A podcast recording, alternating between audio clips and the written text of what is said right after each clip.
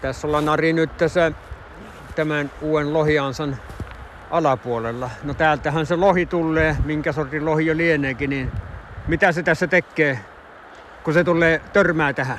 No se törmää tähän meidän ansaan ja se on semmonen kuin flitterist felle, siis Joo. kelluva ritilä ansa. Ja lohi ei pääse mitenkään ali eikä yli, koska se nousee ja laskee veen pinnan, veen korkeuden mukaan. Niin se löy- tulee tähän ansaan, se ui sen sitä pitkin, kun se löytää sitten tuon sisään Joo. pääsyy tunnelin, lähtee sitä uimaan äh, vastavirtaan ja sieltä sitten semmoisen äh, luukun kautta pääsee sitten itse sinne äh, altaaseen. Joo. Ja nyt meillä on vain yksi allas, missä meidän sitten pitää päästää ne pois. Me avataan sieltä luukku, että ne pääsee vapaasti uimaan ylävirtaan. Joo.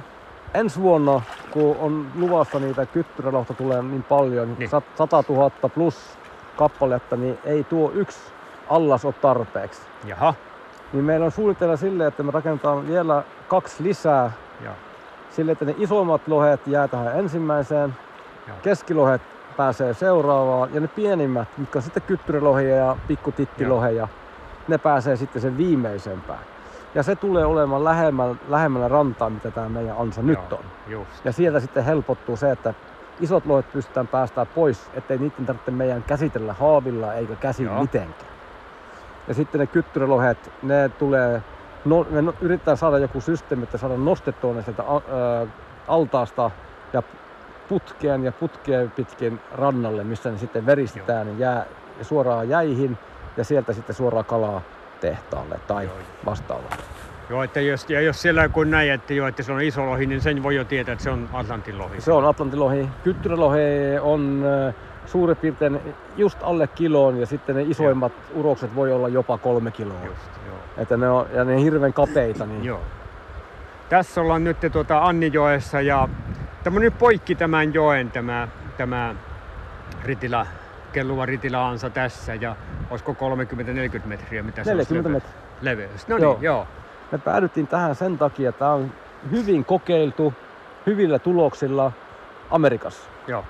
Ja sen takia me ostettiin se Amerikasta ja ne tu- toi sen Amerikasta tänne ja auttoi meitä rakentamaan tämän ansa ja näytti, miten se toimii, miten me voidaan muuttaa sitä ja miten me sitten poistetaan se nyt syksyllä Joo. ennen jäitä. Joo. Niin mitä me ollaan tänä vuonna kokeiltu, niin on toiminut erittäin hyvin. Öö, lohi nousee, öö, ei mene ansasta läpi, Joo. se kulkee ansaa pitkin sinne altaaseen ja siellä sitten pääsetään pois.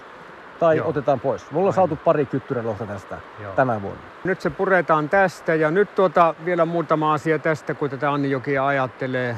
Tähänhän nousee isoki lohi, tämän kesän suurin lohikuulema täällä. Joo, se on siis Norjan suurin Joo.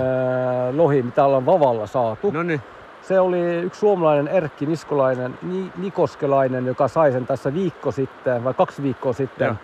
Ihan kauden lopulla. 133 senttiä pitkä, 70 senttiä ympärysmittari, 25 kiloa. Se on uusi ennätys. no se on hieno kala se. On, on, on. Joo.